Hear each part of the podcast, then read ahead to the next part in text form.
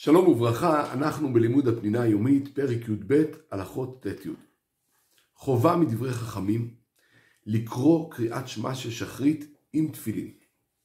שהרי כתוב בקריאת שמע, וקשרתם לאות על ידיך, והיו לטטפות בין עיניך, וגם בפרשת והיה עם שמוע, וקשרתם אותם לאות על ידיכם, והיו לטטפות בין עיניכם. ולכן אם אלה מי שקורא קריאת שמע בלי תפילין, אומרים חז"ל כאילו מעיד עדות שקר בעצמו, הוא אומר שצריך להיות עם תפילין והוא לא עם תפילין.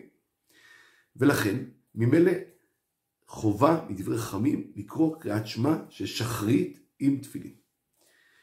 מי שאין לו תפילין, ודאי שיקרא קריאת שמע. ולא יבטל את מצוות קריאת שמע בגלל שאין לו תפילין. ואם תגידו, אבל הוא מעיד עדות שקר בעצמו, אולי עדיף שלא יקרא לו. כיוון שהוא אנוס ואין לו, ממילא יקרא ולא יבטל את המצווה. גם תפילת עמידה בשחרית ראוי להתפלל עם תפילין. שהרי אמרו חז"ל שזה חלק מקבלת עול מלכות שמיים שלמה. שכאשר אדם הוא קורא קריאת שמע עם תפילין, הוא מתפלל עם תפילין, זה קבלת עול מלכות שמיים שלמה.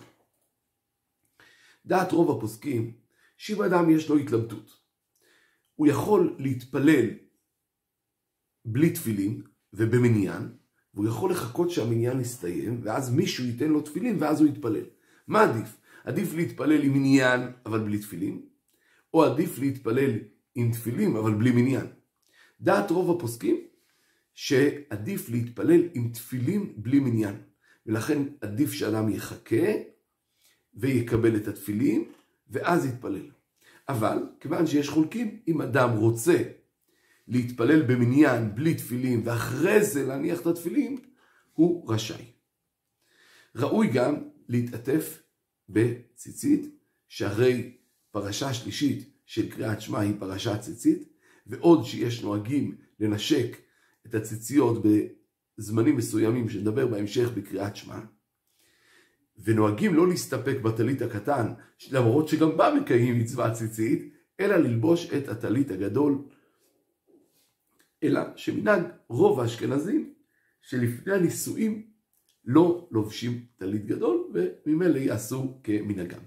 באופן כללי שאדם בא ללבוש, הוא קודם כל מתעטף בטלית ואחר כך מניח וקושר את התפילין.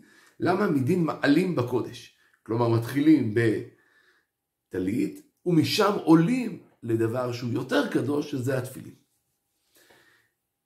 מעבר לכוונה הרגילה שאנחנו מכוונים בכל המצוות לקיים מצוות השם, התורה נתנה כוונה מיוחדת בציצית וכוונה מיוחדת בתפילין, וראוי לו לאדם לכוון. ולכן לכוון בציצית, לזכור את כל מצוות השם. ולכוון בתפילין, לשעבד את ליבנו ומוחנו לעבודתו יתברך, לזכור את ייחודו ולזכור את יציאת מצרים. והכוונות האלה נתפסו בסידורים, אין חובה לומר אותם, אבל צריך לערער ולחשוב בכוונות האלה כאשר אדם מתעטף בטלית וקושר ומניח את התפילין.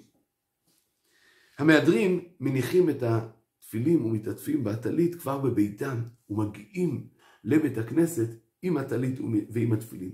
וההידור הזה הוא יותר חשוב מלהגיע מעשרה הראשונים לבית הכנסת. ולכן אם אדם אומר, רגע, אבל אם אני אתעטף בטלית ו... יניח את התפילים, אני לא אגיע מעשרה הראשונים, עדיף שיתעכב, לא יהיה מעשרה הראשונים ויגיע עם טלית ותפילים לבית הכנסת. עוד נקודה אחרונה, מפני קדושתם של התפילים אסור לאדם להסיח דעתו מהם. ולכן עם אלה צריך למשמש בהם בכל שעה, כדי לא להסיח את הדעת מהתפילים. ונסיים בשאלה, מה הדין אדם שאין לו תפילים והוא מגיע למניין, ויש שם אנשים שיש להם תפילים אבל לא אין. האם עדיף שיתפלל עם המניין בלי תפילים, ואחרי התפילה יניח את התפילים, או שעדיף שהוא יחכה, ימתין, שמישהו יגמור את התפילה, יביא לו את התפילים, ואז הוא יתפלל ביחיד. אבל זה יהיה עם תפילים. מה עדיף לאדם לעשות? שלום, שלום.